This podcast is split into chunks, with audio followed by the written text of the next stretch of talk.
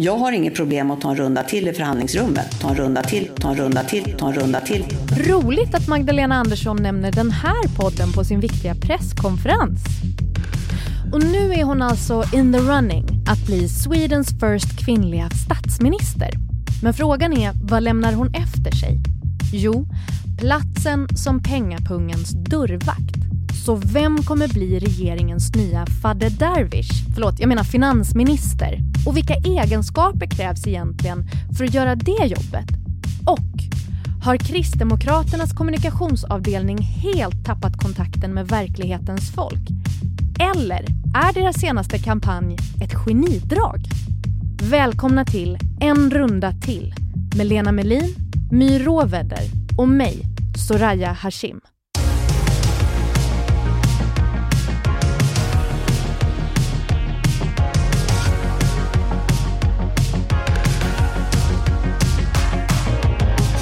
Hallå My och Lena! Hej! Hallå! Välkomna tillbaka! Tack! Hörni, eh, igår, alltså onsdag eftermiddag, fick vi veta att Magdalena Andersson är valberedningens förslag till att bli ny partiordförande för Socialdemokraterna. Alla dog av chock i rummet. Verkligen. Verkligen. Ja. Vi ska lyssna lite på hur det lät. Vi i valberedningen har ställt frågan till Magdalena Andersson om hon vill ta ansvaret och bli nominerad till ny partiordförande för Socialdemokraterna. Jag känner ett väldigt stort eh, ansvar. Jag känner mig också väldigt, väldigt taggad. När jag engagerade mig politiskt så var det över ilska mot orättvisorna. Det krävs ordning och reda. Jag kommer vända på varenda sten för att bryta segregationen och knäcka gängen. Med hur många procents säkerhet kommer hon faktiskt bli partiordförande? Det här är ju valberedningens förslag, hon är inte vald än. Typ 100. Okej. Och med hur många procents säkerhet kommer hon också bli Sveriges första kvinnliga statsminister? Ungefär 95 procent skulle jag vilja säga. Riksdagen ska ju då välja henne eh, till ny statsminister och då gäller det att inte få 175 av riksdagens 349 röster emot sig. Men och, det kommer inte hon att få om inte något parti plötsligt får för sig att börja konstra. Vem kommer konstra? Ja, det vet man aldrig i förväg. Det lever sitt eget liv. Det här talet hon höll igår under presskonferensen, var det någonting ni tyckte stack ut i det hon sa? Ja, ja jag tyckte att hon hade en ovanlig hetta. Hon räknade ju upp tre för områden som hon vill prioritera. Det var eh, kampen mot brotten och brottsligheten, det var välfärden och det var klimatet. Och jag tyckte att hon, eh, som normalt sett är en ganska sval person i sitt uttryck, var ovanligt passionerad när det gällde eh, både kampen mot eh, brottsligheten och för klimatet.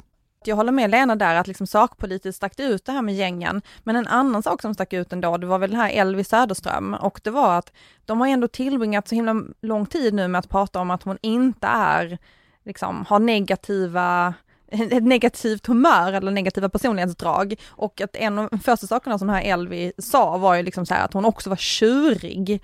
Och att det var lite så här, jaha okej. Okay. Så de har tillbringat jättelång tid med att försöka så här damage control, att man pratar om hennes humör och sen så vid liksom presentationen av henne som liksom nästa kvinnliga partiledare, partiledare och kanske statsminister, då drar man ändå upp ett personlighetsdrag som tjurig. Det tyckte jag var lite speciellt. Varför tror ni hon gjorde det? Elvi är alltså valberedningens ordförande. Var, varför, varför gjorde hon så? Var jag, bara... tror, jag tror att Elvy Söderström eh, tycker att det är ett positivt drag. Ah, att hon liksom inte räds lite dålig stämning? Nej, och liksom eh, kämpa på där som en eh, oxe. Ja, just det. Och ger sig inte. Men för de, de flesta människor uppfattar jag ändå ordet tjurig som ganska negativt. Men det här betyder ju också att finansministerjobbet är up for grabs och det här är ju en svinviktig roll. Vilka egenskaper krävs för att bli en riktigt bra finansminister? Ja, en av dem är att man kan förhandla, för numera så förhandlas ju budgeten inte bara liksom internt i regeringen utan oftast också med ett eller flera andra partier. Ja. Så man måste ju vara bra på att förhandla och, och se till att alla blir nöjda och man får igenom det genom riksdagen och allting. Och man måste säkert tycka också att det är ganska roligt att sitta där och peta i de där siffrorna. Älta. Ja. Det var ju en sak hon tog upp igår också. Ja. Det här när man ifrågasatte liksom hur hennes personlighet och så tog hon ju upp just det här att visst, man, man kan tycka olika saker men hon har också, sa hon då, varit den som har förhandlat flest budgetar, det har ju varit väldigt många tilläggsbudgetar, väldigt stora budgetar under liksom krisbudgetar under corona och också med flest partier. Mm. Alltså sådana här breda koalitionsregeringar som är liksom så här löst sammansatta ändå, det har vi ju inte sett eftersom vi har haft en väldigt stark blockpolitik. Men sen så om man tittar på så här finansministrar bakåt så är det också, där passar ju Magdalena Andersson in för att de har ju ofta långa karriärer inom partiet, alltså att man är väldigt, väldigt grundad i partiet eh, och den ekonomiska politiken, men också liksom den bredare politiken. Eh, och även om det inte är ett krav då kanske att man kommer just från finansen eller den ekonomiska politiken, så har de är väl liksom en av de här egenskaperna man ska ha, är liksom en bred förankring i partiet. För man kommer ju att ha ganska ja, mer ansträngda relationer till sina liksom partikollegor och sina regeringskollegor när man blir finansminister än när man har, man har en annan ministerroll. Ja, för du skrev en text här i veckan nu som handlade om att finansministerposten är ensam. Hur menar du då? Ja, men man är ju i opposition, ska man väl kunna säga då, mot liksom sina, sin regering, eftersom man håller i pengarna. Eh, andra ministrar, andra departement vill ha pengar, man ska liksom förhandla, man ska se till att det räcker till alla och att de frågorna som är viktiga för en regering, att det är där det satsas pengar. För alla ministrar tycker att deras frågor är viktigast mm. och alla ministrar vill ju ha pengar och inflytande. Så på det sättet så blir man ju, har man ju en annan position än om man kanske har en, en annan ministerroll i en regering. Men samtidigt kan man ju säga att finansministern är inte alls ensam för att den har alltid statsministern i ryggen. Alltid? Alltid. I det ögonblicket som de inte har statsministern i ryggen så måste de lämna. Ah, okej, okay. så att eh, de kan inte vara för självständiga?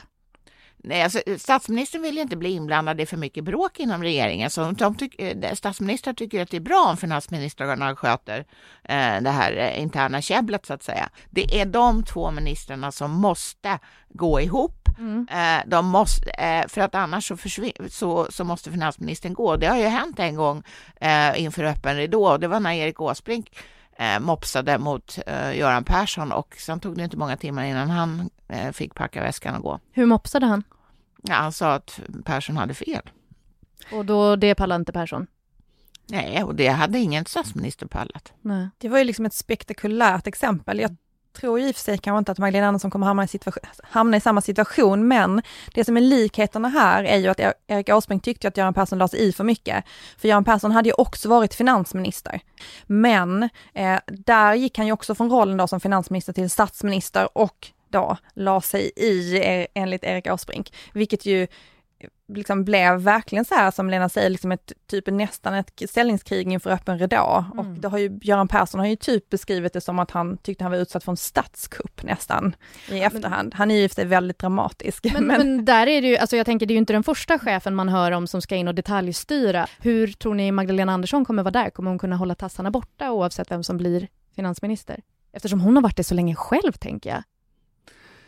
Ja, men jag, jag tror hon, hon är väl en annan typ av personlighet och det är inte heller säkert att, att den blivande eh, finansministern är samma, eh, vad ska vi säga, ganska envis, eller för att uttrycka sig som Elvis Söderström, tjurig typ som Erik Åsbrink.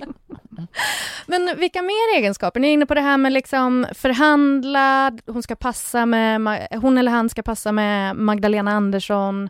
Alltså jag tror att Magdalena Andersson kommer att välja en allmän politiker, alltså inte en siffernisse. Just det. Eh, där, och, och av det skälet att Socialdemokraterna ligger ganska risigt till. De gjorde sitt sämsta val i, i, i, sen Sverige blev en demokrati 2018.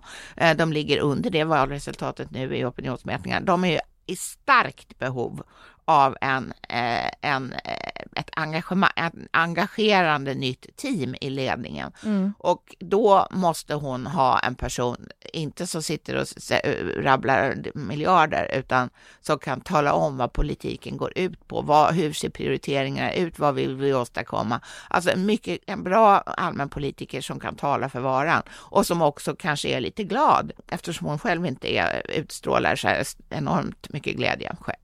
Och, och, kräver rollen också möjligtvis lite hårdare hud än de andra ministerposterna? Jag tänker ja, det är absolut. Men Lena, du hade ju några bra exempel tycker jag på vem som skulle kunna bli finansminister. Ja, vem tänker du? Ja, men jag tänker ju att det blir Mikael Damberg.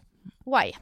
Ja, det är av det skälet att han passar in på den här eh, arbetsbeskrivningen som jag nu, nyss gav. Eh, och, att, och att, jag menar, räkna miljarder och sånt där, det finns det ju hur många som helst som kan göra på Finansdepartementet. Eh, det, alltså, I det här fallet behöver inte finansministern vara en liksom, fackekonom. Men det finns ju det, det kan ju finnas andra också, men jag, jag tror att han är hetaste kandidaten. Vad säger du My? Ja men det som talar för honom också är att hon ser honom som sin innersta krets, liksom när man pratar om vilka i den här regeringen som hon är nära, mm. eh, så är ju Mikael Damberg ett av de namnen. Och när man ska ha det här partnerskapet så är det ju väldigt viktigt, eh, dels för att hon kanske lämnar över sin bebis, Finansdepartementet, som hon liksom har starka band till. Men också då för att man ska ha det här partnerskapet och då måste man ha någon som man verkligen litar på och är trygg med eh, och som man liksom kan arbeta väldigt nära med. Så det talar ju också för Mikael Damberg. Finns det några andra heta kandidater?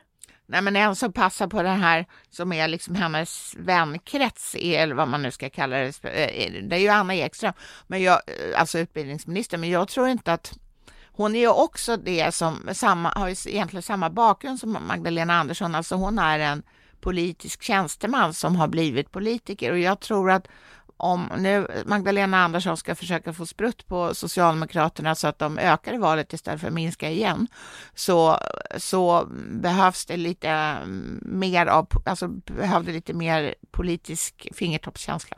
Men, eh, men My, vad är sannolikheten att man rekryterar externt? För allt det här är ju inhouse-folk.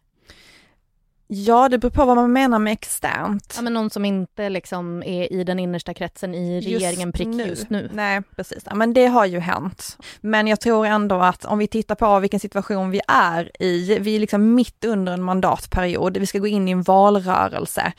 Det är kanske inte riktigt läge för liksom, att testa någonting nytt. Okay. Det här är ingen post där man tar in någon främling på. Som jag sa, statsministern vill ha ett obrutet förtroende för den här personen. Det. Och eh, det, det, det, har man ju inte om någon har varit på andra sidan jordklotet i åtta år. Nej, man behöver en ja. äkta BFF. Men jag tänker, eh, apropå då att det är val nästa år, vad händer om det blåa blocket vinner det här valet och de sitter i regering istället? Vad, vem uppfyller de här egenskaperna ni beskrev där? Ja, men det finns ju bara en. Ja. Säg! Jag ska säga samtidigt. Ja, Elisabeth Svantesson. Vad fint att jag fick en kör. Var, varför? Berätta allt! Ja, nej men det är ju så här att hon är ju Moderaternas ekonomisk-politiska talesperson och har varit under väldigt lång tid. Hon har ju också kandiderat i val som finansministerkandidat. Så att jag menar det skulle ju verkligen hända någonting spektakulärt som skulle göra att hon slutade för att det skulle liksom ändra sig. Hon har ju också ridit ut typ alla stormar som finns kring liksom hur man har diskuterat hennes person och hennes tidigare engagemang i Ja till livet och eh, aborträtten och sådär. Alltså hon har ju redan ridit ut allting så att jag menar hon är ju vettad, som man skulle säga. Redo. och redo ja. Eh, ifrån det andra blocket. Du, eh, Lena, om du bara snabbt beskriv Elisabeth Svantesson med tre ord, hennes personlighet, hur är hon? Ja, det, det var inte så lätt. Ja, alltså hon är ju äh, alltid glad. Mm. Äh, hon, även, även, om hon kanske inte är det innerst inne så framstår hon som väldigt glad. Hon är, äh, säger att allting är självklart. Och sen så läspar hon lite. Och My, om du ska säga din favoritfinansminister genom tiderna, top of the pops, vem är det? Ja, jag har faktiskt en, ja. bisarrt nog kanske. Eh, nej men och det är... Inte helt bisarrt, det är inte helt off din personlighet att ha en favoritfinansminister. Eh, ja men det är faktiskt Rolf Wirtén som var budgetminister i början av 80-talet och det är baserat helt och hållet på eh, den underbara natten det är liksom en skattepolitisk överenskommelse under eh, regeringen Fälldin 2. Då så var det så här att det här uttrycket kom fram att man på morgonen efter den här förhandlingen presenterade sin överenskommelse och då var det en reporter som frågade hur var natten? Och då mm. svarade Rolf Wirtén underbar. Och därav det här fantastiska uttrycket att en skattepolitisk överenskommelse heter den underbara natten. Och Lena, vem, vem är din favorit finansminister? Ja, men jag har faktiskt valt Johan Gripenstedt och av det enkla skälet att det var Anders Borgs uh, favoritfinansminister.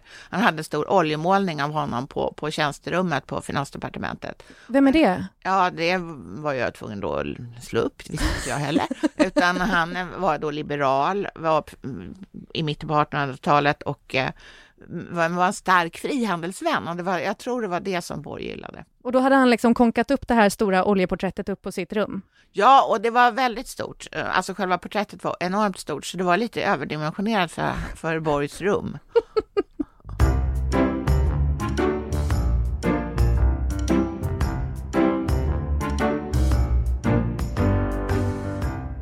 Mina vänner, vi måste prata om elefanten i rummet nämligen Kristdemokraternas kommunikationsavdelning. Alltså vad sker? Allt började med det här. Står den här tänkta regeringen, det här blåbruna blocket, fortfarande kvar bakom Parisavtalet? Ta inte lätt på frågan om brunsmetning. Vem man låter ge en nazianstrykning eller en rasistanstrykning. Ta debatten, klimat och miljödebatten mer seriöst än att komma med sådana svepande anklagelser.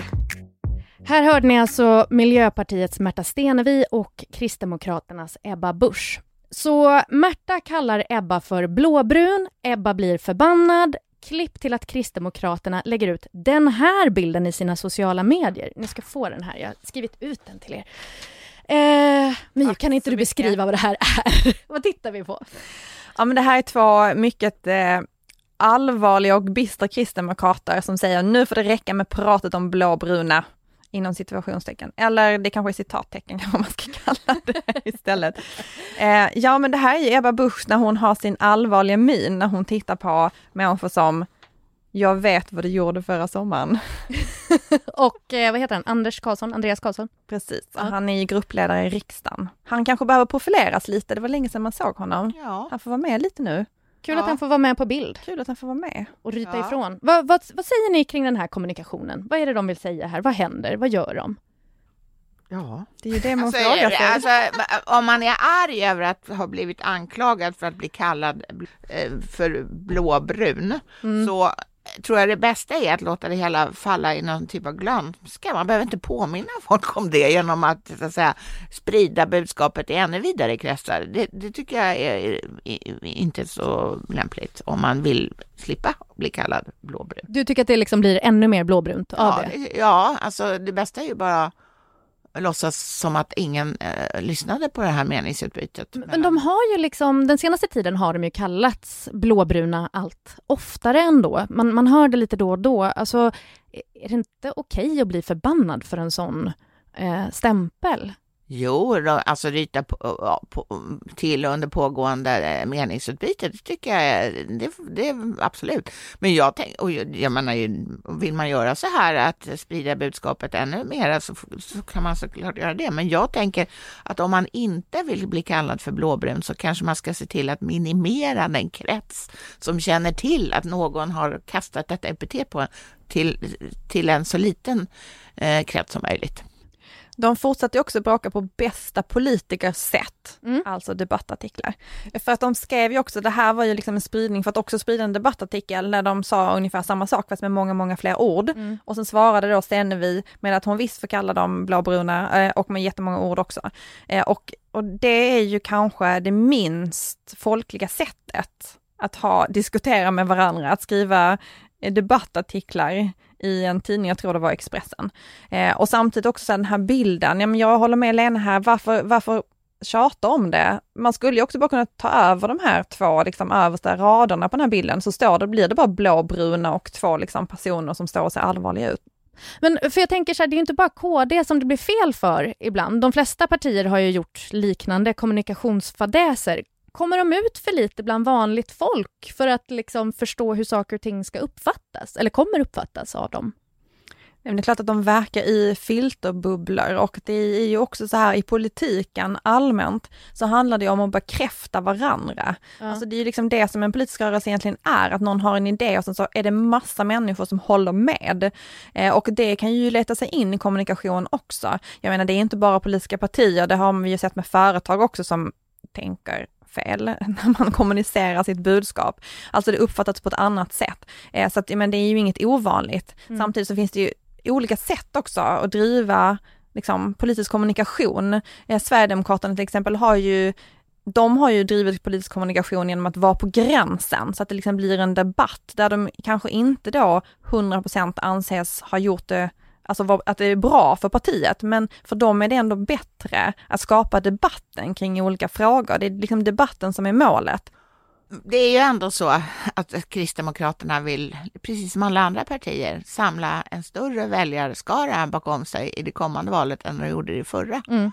Och då kan man tänka sig att de som då har uppfattat signalen blåbruna kanske helt enkelt väljer bort Kristdemokraterna utan att fundera mer på saken. De vill inte lägga sin röst på ett parti som kallas för blåbrunt.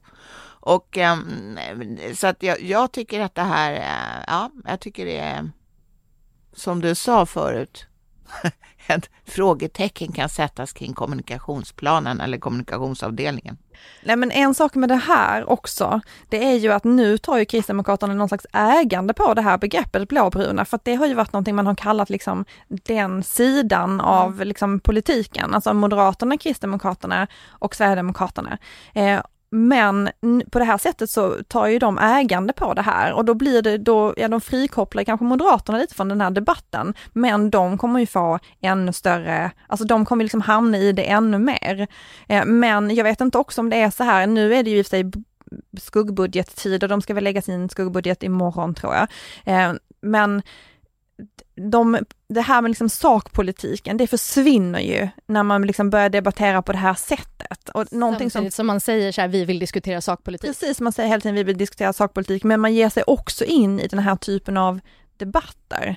Eh, nu är det väl i och för sig så här att Ebba Busch använder liksom sociala medier ibland som liksom någon slags terapeut, tänker jag. Mm. Eh, där hon liksom pratar med människor som om hon ringde någon som hon behövde prata av sig till och att det kanske är det det handlar om. De är arga helt enkelt, de vill få ur sig att de är arga. Det, deras kanal här är liksom att man har ett, ett, eh, sociala medier-konto där man kan sprida ut Kallas det ett meme? Nej det gör det inte. Nej det här, är, eller det här blev ju ett meme eftersom folk började skoja om det och lägga ja, andra bilder under texten.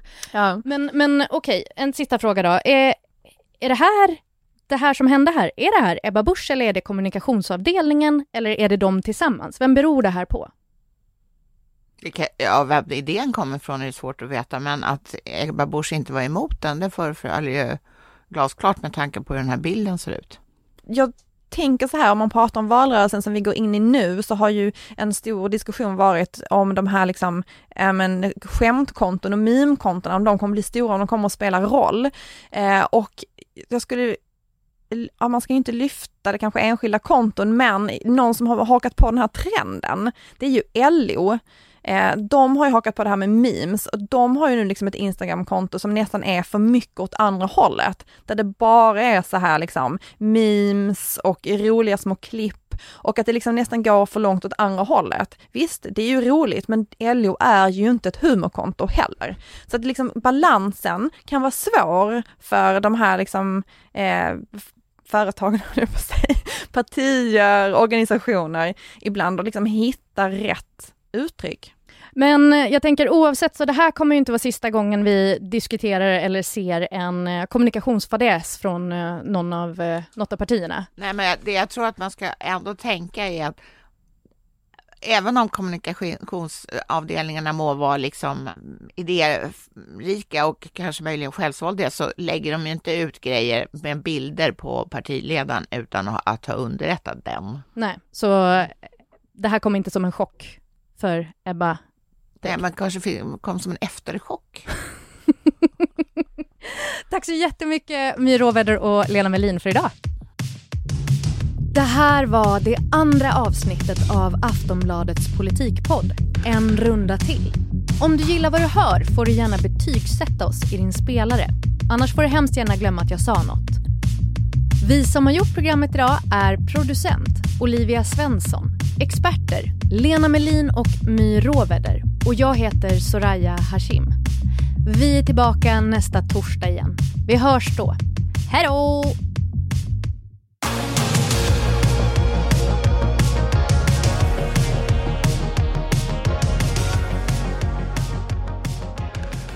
Du har lyssnat på en podcast från Aftonbladet. Ansvarig utgivare är Lena K Samuelsson.